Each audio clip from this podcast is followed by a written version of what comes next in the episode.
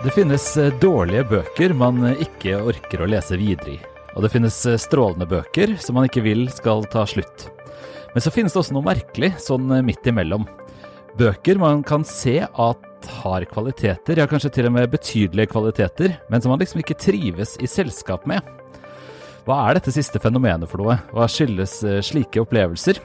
I denne episoden av Morgenbladets bokpodkast tillater vi oss et lite skritt ut av aktualiteten for å snakke om en problemstilling som rett og slett eh, interesserer oss, og om en mulig forklaring. Vi tror nemlig at noe av svaret er å finne langs aksen fra ironi til inderlighet. Jeg heter Bernhard Ellefsen, jeg er bokansvarlig i avisa. I den andre enden av videolinken min er eh, kulturredaktør Anne Farsetås. Hei, Anne. Hei, Bernhard. Ja, vi tenkte vi skulle tillate oss eh, å tenke høyt over noe som dukker opp for kritikere og alle lesere eh, innimellom.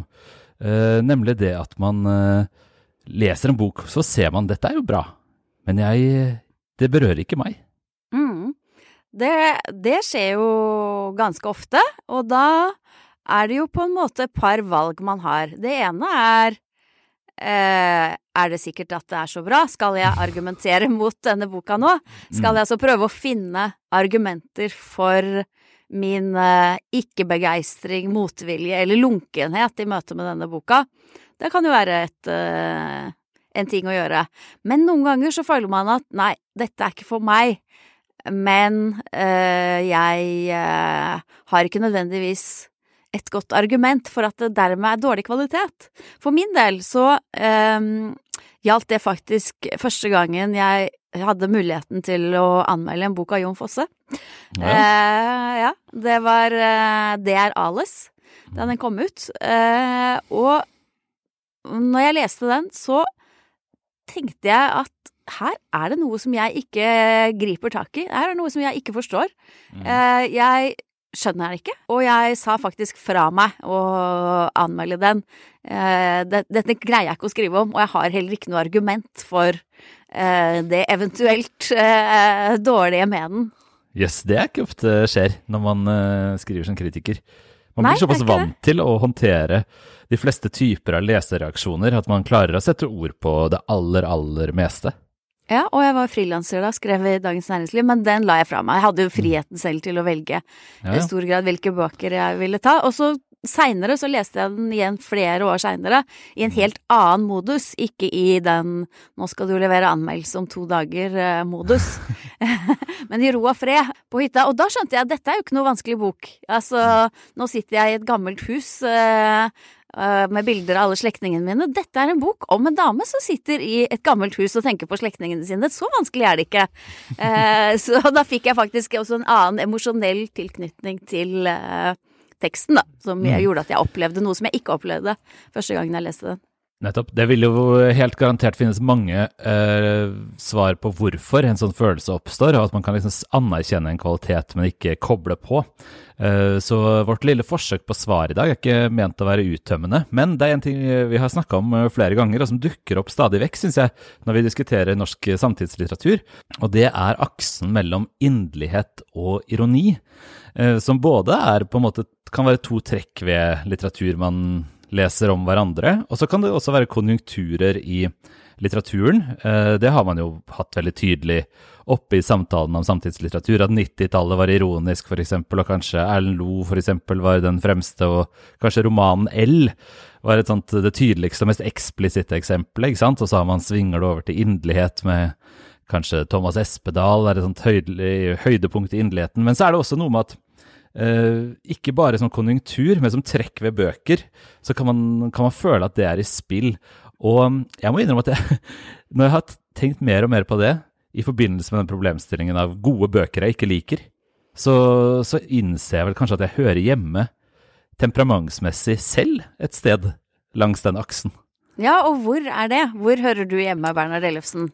Jeg tror jeg er jævlig inderlig, altså. pinlig inderlig. ja. Er det pinlig? Ja. Nei, jeg vet ikke. Inderlighet er jo litt klamt, da. Og når man innser at man er sykt inderlig, så er det jo uh, desto klammere, kanskje. Uh, men uh, over tid så må jeg jo si at jeg ser at sympatiene mine trekkes i retning av forfattere og særlig romaner, da, som kan kalles inderlige. Og så ikke minst så oppstår dette rare fenomenet uh, av bøker jeg kan se er gode, på en måte, uten å like dem selv, i bøker som man kan kalle ironiske mer. Uh, ja, hvilke da? Nei, Jeg har et kardinaleksempel. Uh, som, som eksemplifiserer det tydeligere enn noen andre for meg. Og det er Carl Frode Tillers romaner. som jeg syns ser velskrevne, godt tenkte Altså, eh, debuten er jo virtuost satt sammen i en sånn springende form som er utrolig godt løst. Innsirkling er så snedig og, og intelligent. Og så er det en distanse i hele verket til alle menneskene og mellom menneskene og osv. Eh, som jeg tenker er ironisk, og som jeg ikke klarer å bli komfortabel med. Jeg liker meg ikke i de bøkene.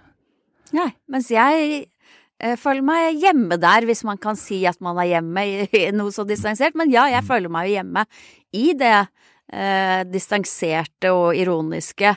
Også når det gjelder Tiller, så altså eh, Det er jo ironi i at eh, man ikke skal ta alt folk sier for pålydende, men det gjelder jo mm. veldig mye litteratur. Mm. Uh, og jeg føler jo også at den ironien tjener mange formål der. Det ene er jo at personene bli sett utenfra, både i form av hvilket miljø de tilhører, det er et sosiologisk eh, analyse involvert. Mm. Det er også det ja, Det får man jo virkelig si. Det er det jeg forbinder aller mest med han. Altså at ja. det, nesten alle er sosiologer i møte med hverandre. Ja, ikke sant. Ja, de er jo også det i møte med hverandre, som du sier. Mm. Eh, det er jo ikke bare romanen som ser det utenfra, men de er også veldig sånn kultursosiologiske på mm. andres dialekt og klesvaner og matvaner og ja, hvitløkspresser. Det er liksom Bourdieu-skjema der. Eh, jeg elsker jo Bourdieu-skjemaer, da, så ja, ja. det, er ikke rart det er noe, for meg. ja. Mm. Nei, men altså, det er jo en type ironi. Det er jo ikke den ironien som man kanskje forbinder med humor og komedie, liksom, men det er jo den litterære ironien hvor, hvor distanse og et eller annet form, en eller annen form for sånn kjølighet i betrakterposisjonen uh, gjør seg gjeldende. Så det er jo mm. en Det er jo klart det er en, en, spesiell form for ironi når man snakker om ironi i romankunsten på den måten, men det er der jeg sliter, altså. Når den mm. avstanden uh, føles uh, gjennomgående. Og det blir noe For meg så blir det også da noe kaldt ved, ved universet, liksom. Det litterære universet. Til Tiller, for eksempel. Som du sier, ironi er ikke bare humor. Altså, nå kan jeg komme ut med alle mine farger og min personlighet, for jeg jeg vil jo nesten si kalle meg selv en ironiker, jeg, da. jeg skrev uh, sannelig meg hovedoppgave om uh, ironi og selvbevissthet og selvrefleksjon uh, i Knut Hamsuns Sult. Mm. Og jeg måtte bare Jeg har ikke sett på hovedoppgaven min på de 23 årene som har gått siden jeg, jeg leverte den, men jeg tok den fram i går. Og der var det jo ah, ja. selvfølgelig kapittel på kapittel med ironidefinisjoner. Ja. Dette er jo ikke bare et retorisk virkemiddel for å være morsom. men men selvfølgelig eh, snakker, kan snakke om en hel ironisk bevissthet, ikke sant. Det er nettopp ja, ja. det å posisjonere seg i forhold til eh, verden, men også i forhold til egne tanker, er Eh, kan kalles ironisk. Det kan være alt som har med posisjoner og relasjoner mellom en som ser og en som blir sett, eh, kan være ironi. Så kom jo dekonstruksjonen, og da ble det Altså, det ble så mye eh, ironi og ord som begreper som forskyver seg vekk fra den opprinnelige meningen, osv. Så, videre. så mm. begrepet har jo mange, mange definisjoner, men men jeg, jeg, liker jo de bøkene og de Eh, stiluttrykkene som lener seg litt på ironi. Ja, gjør ikke du det, da? Vi snakket jo om jo. Thomas Mann sist. Er ikke du glad i Thomas Mann? Jo, absolutt. Så det, det, er nok eh, noe i samtidslitteraturen som kommer særlig i spill. Og mm, en annen, en annen forfatter jeg på en måte kunne, kunne, hatt større sans for enn jeg har. Eh, jeg har nok ikke fullt så stort problem med henne som med, med Tiller. Men det er Trude Marstein, som har litt av den samme distansen. Så det kan jo hende at det er noe um, noe særegent. Altså Det er ikke hele den litterære ironien som byr meg imot. For Thomas Mann, som vi snakket om uh, i, like før jul, han uh, er jo min uh, kanskje største favoritt. Så, så, og en stor 20-tallsironiker. Men det er likevel Jeg får jo ikke den følelsen av um, distanse og kjølighet der, da. Men si litt om Hamsun og ironien, og hvordan det følger deg som leser, da. For du har jo også lest Hamsuns arvtagere eh, så mye. Ja da. Det har jeg. Nei, altså, jeg tror at eh, dette her, eh, hvis jeg skal se på hva som har vært de formative opplevelsene for meg litterært, eh, så, er, så kan jeg jo se at jeg har alltid eh, dyrket dette med avstand og distanse. Altså for meg så er liksom de to store leseropplevelsene i tenåra, det er Dag Solstads Irre grønt, som altså er eh, inspirert av Gombrowicz' eh, teori om rollespill. Og er det, det er det som er poenget, rett og slett, og det var det jeg syntes var revolusjonerende. Hovedpersonen i boka, Geir Brevik, han har lyst til eh, å se om man kan endre verden gjennom hvordan man posisjonerer seg i den.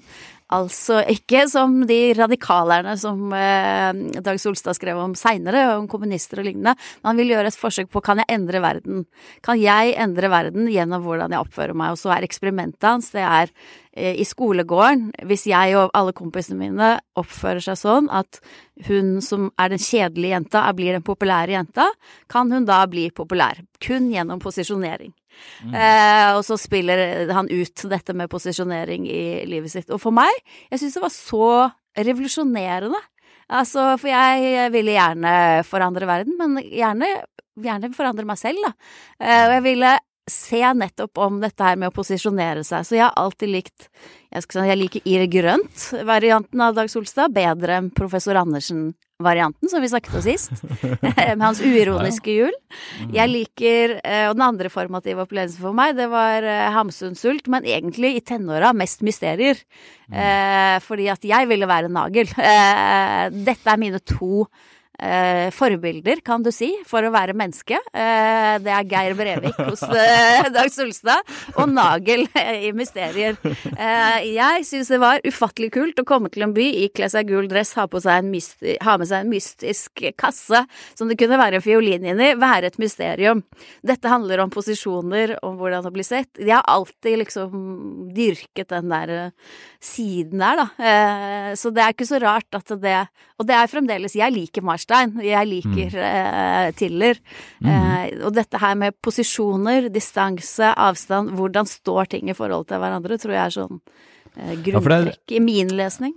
Ja, det har, jeg lagt, det har jeg lagt merke til. da, at vi, der, der, trekkes vi mot ulike altså det er jo to, Marstein og Tiller er jo to forfatterskap de har skrevet uh, til dels mye om, og, og til dels veldig begeistra om. Um, mens eh, sånn som Iri Grønt, der, det, det, er på en måte nesten et eksempel da, på for min del hva som blir begrensningen i min leseropplevelse, fordi jeg nok opplever det nesten som tørt, altså.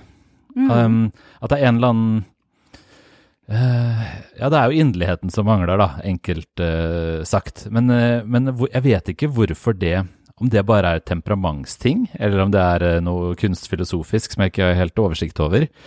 Men det er liksom først når um, en, en, eller annen form for nesten naiv sympati eller uh, nærhet til karakterene uh, oppstår, at jeg kan følge med også inn i det mest ironiske konstruksjoner. Og der er jo Thomas Mann det mest liksom, pedagogiske eksempelet, fordi man blir så glad i Hans Kastorp og i Trolldomsfjellet. Og det er jo en konstruksjon Thomas Mann lager. Han åpner jo med å si at vi kommer til å bli glad i han, liksom.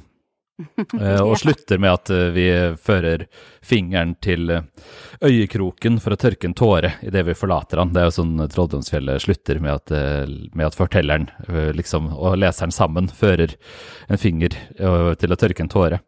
Så den, der, den nærheten, for meg er den en slags forutsetning. Og kanskje kan man se det da på de, det som kanskje kan sies å være motsetningen til sånn som Marstein og, og Tiller i samtidslitteraturen, for der er det jo Espedal på, et, på, en måte et eksempel, men det er vel veldig nærliggende å si at Karl Ove Knausgård er den mest uironiske av, av alle liksom de ledende samtidsforfatterne.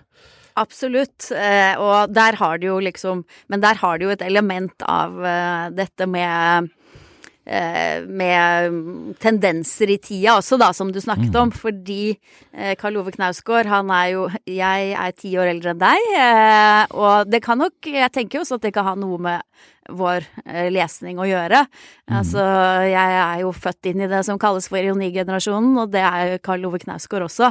Og han beskriver jo veldig intenst hvordan, ikke sant, det er nettopp den distansen, det er jo det som er poenget med min kampserie, er å overkomme all den distansen til virkeligheten, til hverdagen, til seg selv, til andre mennesker til språket. Eh, så, akkurat han skildrer jo nettopp reaksjonen, da, kanskje ironikerens forsøk på å komme vekk fra dette. Ja, da, jo, jeg tror det. Og det kan jo gi en eh, nesten litt ny forklaring på noen av de mest eh, påfallende trekkene ved min kamp, som man kan lure litt på hvorfor er der. Fordi hvis jeg skal tenke på det mest inderlige, toppen av inderlighet i, i den nære samtidslitteraturen, så er det jo eh, utropene i min kamp, der hvor det står 'å'. Ikke sant? Ja. Eh, Hvor setninger åpnes med 'å' som et utrop. Det er, det, mer inderlig får man det liksom ikke. Og hvis man tenker på det som en handling, ikke bare som et utrop, da, men som et grep mot en uh, distanse, et forsøk på å overkomme en distanse, så, så blir det jo nesten mer interessant. Ja, ikke sant? Um, men syns du virkelig det er tørt med Geir Brevik, altså? Jeg skjønner ikke at du ikke eh, Jeg føler en intens eh, tilknytning til han. Jeg føler en intens spenning når han skal gå på kino med Benedicte Wiik, eh, og han skal se om han kan Hvordan hun vil reagere på de kinobildene. Det er så risikabelt for han, og så farlig. Han skal bruke bilder til å prøve Han driver med et slags maktspill overfor henne. Han skal prøve å eh, manipulere eh, nesten. Altså, jeg føler en intens når han ligger i buskene og, og observerer folk og venter på sine spill, så føler jeg en intens eh, en intens engasjement Jo, for det. hvordan det skal gå.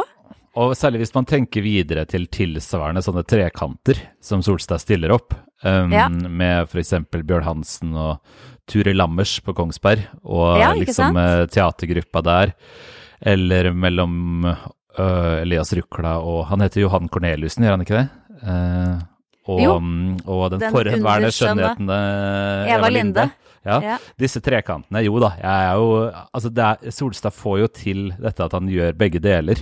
At han lader de situasjonene så mye, og så kanskje i 11. roman bok 18, hvor Bjørn Hansen og Turi Lammers eh, spilles ut, på en måte, så er det jo også så morsomt og så drøyt at det er jo Mhm. veldig mye liv i det, da. Eh, Men som litterær konstruksjon så kan man tenke i hvert fall at det er litt teoretisk å sette opp mm. sånne, sånne mønstre. Eh, Men sliter, det er nok ikke Solstad som eh, volder meg størst Nei. problemer. Jeg leser jo de bøkene igjen og igjen med enorm glede, da. Og så, sier, så har han jo disse to eh, posisjonene som han er kjent for. For det første at gjennombruddet hans var nettopp eh, nødvendigheten av å leve inautentisk. Mm. Det var jo essayet han skrev da han utga Irre Grønt, og det var det som også hadde så stor innflytelse på meg, da. Jeg syns det var fantastisk eh, Mm. at det kunne være en eh, livsinnstilling som var motsatt av av eh, det jeg oppfattet var normalen, ja. og som bød på en slags eh, mulighet for motstand til konvensjoner, for eksempel. Eh, men han har jo det, det er jo liksom den ene siden han som han er kjent for, og så er han veldig kjent for å si 'jeg er ikke ironisk', eh, Mhm. og så Ja, ler ja. alle. Ja, og så ler alle. Men jeg husker jeg intervjuet han eh, en gang da jeg var eh, et par og tyve år. 21 år eller sånn. Jeg var så, det var, da, jeg, da var jeg med et studenttidsskrift. Og Dag Solstad var selvfølgelig en veldig fjern og stor skikkelse. Og jeg husker at jeg hadde fått en intervjuavtale med han og var så nervøs uh, som jeg ikke har vært uh, siden, heldigvis. Uh, har blitt noe mer rolig i, i møte med samtidslitteraturen enn jeg var da.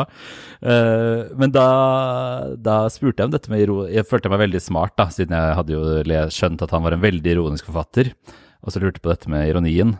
Og så sa han selvfølgelig at eh, altså det er jo en vits, men, eh, men det er jo også det at han mener rett og slett at han ikke er noen komiker. da. Eh, så det er jo den litterære ironien er han jo, vil han jo uh, gifte seg med, på en måte.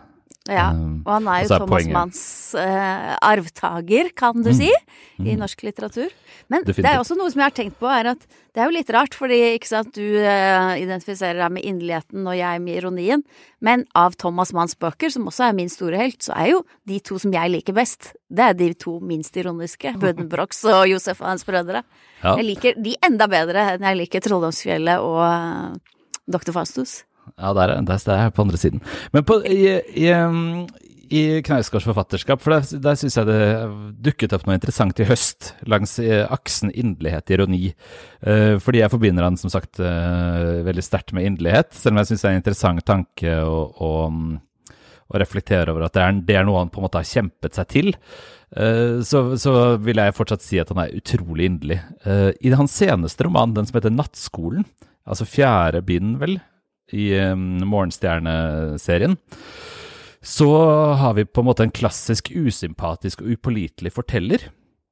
Uh, som, som, vi møter i en roman, og som eier hele fortellerstemmen. Og da, da, kommer jo ofte den litterære ironien i spill. Det er jo der uh, ironikeren uh, i forfatteren må, må frem. Eh, hvis man skal klare å lage noe luft rundt en jeg-forteller, som ha, på en måte eier hele romanens perspektiv, men som leseren jo ikke kanskje liker. Ja, eh, Som har uh, hvis, dumme meninger, er vel det som er, det er Han har umodne meninger. Ja, og, og et helt verdensanskuelse som er uh, vanskelig å, å, ta del i på noe sånn særlig identifiserende måte. Og den romanen syns jeg var veldig svak. Det, det, tror jeg er uh, noe av det svakeste jeg har lest av, av Karl Ove Knausgård. Og, og, det fikk meg til å tenke at han er en dårlig ironiker. Altså, her mm. trengs mm. jo denne ironien. Uh, han trenger å lage noe luft rundt, men det blir utrolig banalt hvordan boka liksom skal avsløre sin egen hovedperson. Ja, det er jo i eh, hvert fall det som har blitt eksplisitt sagt, vel, at det handler om den umodne mannen. Men hva er da forskjellen på den umodne mannen? Det er jo det samme, det vil jo Karl Ove Knausgård og mange andre si om Karl Ove-skikkelsen i eh, Min kampbøkene også, også, i hvert fall eh, den unge Karl Ove, da, så er det jo mye det det handler om. Eh, men hva er da forskjellen på den eh, umodne, eh, inderlig skildret, som du liker, og som de fleste liker, og mm. denne umodenheten? Ja, nei, altså Noe av det skyldes jo at du har et Det, det er riktignok lenge mellom dem, da, men du har et slags nåtidsplan i um, Min kamp, ikke sant? Som, eh, som, skaper en sånn naturlig distanse. Så han trenger ikke være en sånn litterær teknisk ironiker. Han trenger ikke legge inn de snedigste ting. Og så er det jo at Kalove-skikkelsen i Min kamp ikke er så jævla irriterende som uh, hovedpersonen i Nattskolen. Um, og så tenker jeg vel at uh, det er noe En slags ømhet, da.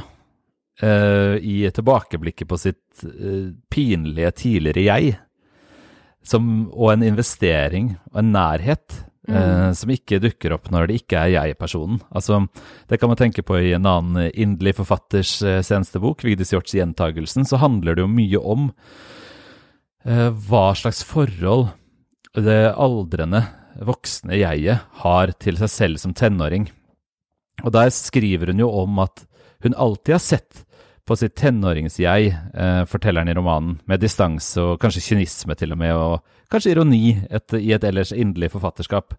Men at hun eh, nå tenker på det som en illojal ting. Altså, eh, hun svikter sitt, sitt unge jeg, da, og møter det nå i gjentagelsen med en helt annen type ømhet. Uh, og den ømheten er viktig i min kamp også, tenker jeg, og også for, eh, for Hjort, da, som ellers er en veldig forfatter, interessant forfatter på denne aksen vår, fra inderlighet til ironi. Ja, for, for vil, du kalle, vil, du kalle, henne en inderlig forfatter også? Ja, det vil jeg definitivt, og det, det, er jo litt interessant der, for det blir jo sånn så rotete, siden hun er jo selv en ivrig leser av den danske filosofen eh, Søren Kierkegaard. Eh, og ironikeren er jo en av hans eh, berømte livsstadier. Men det er jo en mellomposisjon. Det er jo å gå fra å være en spiss borger, som sant, bare er sånn Spissborgeren har vel ikke blitt uh, representert i norsk populærkultur på noe bedre måte enn i Raga Rockers låta 'Maskiner i Nirvana', uh, hvor man liksom bare går rundt som en robot da, i livet og er opptatt av ubetydelige ting. Og så blir man ironiker som ser, betrakter dette med en sånn et, en innforstått og, og avslørende et, et, blikk, da. Avslørende blikk. Men så blir man etiker, og da går man ofte tilbake til å gjøre litt sånn tilsynelatende spissborgerlige ting, men eh, med et helt annet eksistensielt engasjement, da. Men hos Hjort så er jo eh, humoren, syns jeg, ofte ikke så veldig ironisk likevel.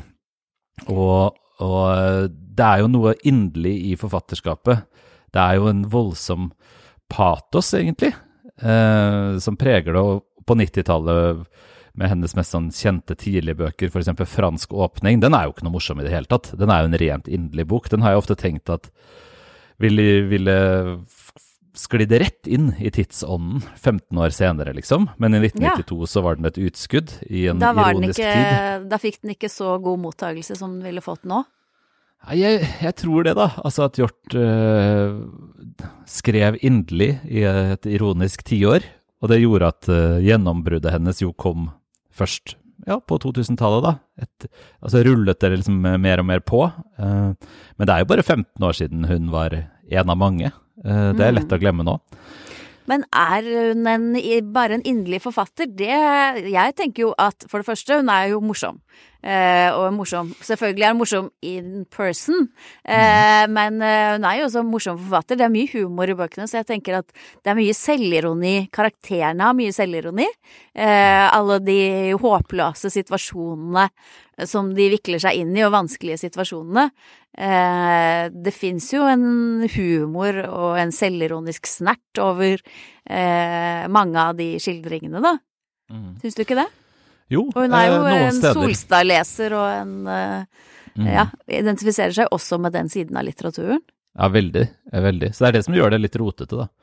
Men så er det liksom, hva, hvor er nøkkelscenene, og er de ironiske? Jeg tenker at det er mest sånn eh, En av de viktigste scenene som ofte blir litt glemt, som er kun et sånn epifanisk øyeblikk, eh, det er den romanen som hvor mange nøkkelscener opptrer, men den kommer i tredje person i entall, helt på slutten, hvor hovedpersonen Hulda Kråkefjær er på Jeg tror hun er på sydenferie, eller noe sånt nå. Og så er hun i en sånn ultimat sånn ironikersituasjon. Hun ser rundt seg og ser på disse andre sydenturistene, og det, hvor ellers har man et distansert og kynisk forhold til sine medmennesker enn på sydenreise, ikke sant? Hvor alle trøkker i seg og bøtter ned og driver med sydenaktige ting. Og så blir hun um, overveldet av Thomas Tranströmer-diktet, Uh, hva heter det, 'Romanske båger', eller noe sånt noe. Hvor, uh, hvor uh, han også skriver om de andre reisende, at de inni seg har sånne romerske hvelv. av dyp i sjelen, valv bakom valv uendelig. Og det er, det er en helt Altså, helt inderlig scene. Den er, den er totalt inderlig. Og det er liksom um, målet for erkjennelse i Vidis Hjorts romaner, føler jeg. Er det, er det øyeblikket. Eh, så, så det vil Sant. være mitt argument da, for den inderlige Ja. Vidis Hjort.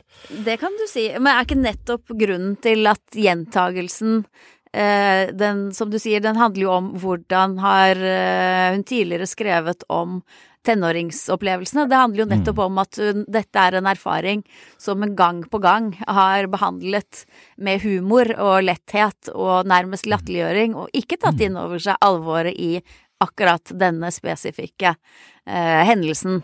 Mhm. Ja, da blir jo forfatterskapet en slags kamp, da. Mellom Ja. ironi og inderlighet, mellom avstand og nærhet. Hvor, uh, hvor avstand og, og ironi og kynisme kanskje til og med noen ganger har vært veldig til stede, men hvor det er noe det kjempes imot.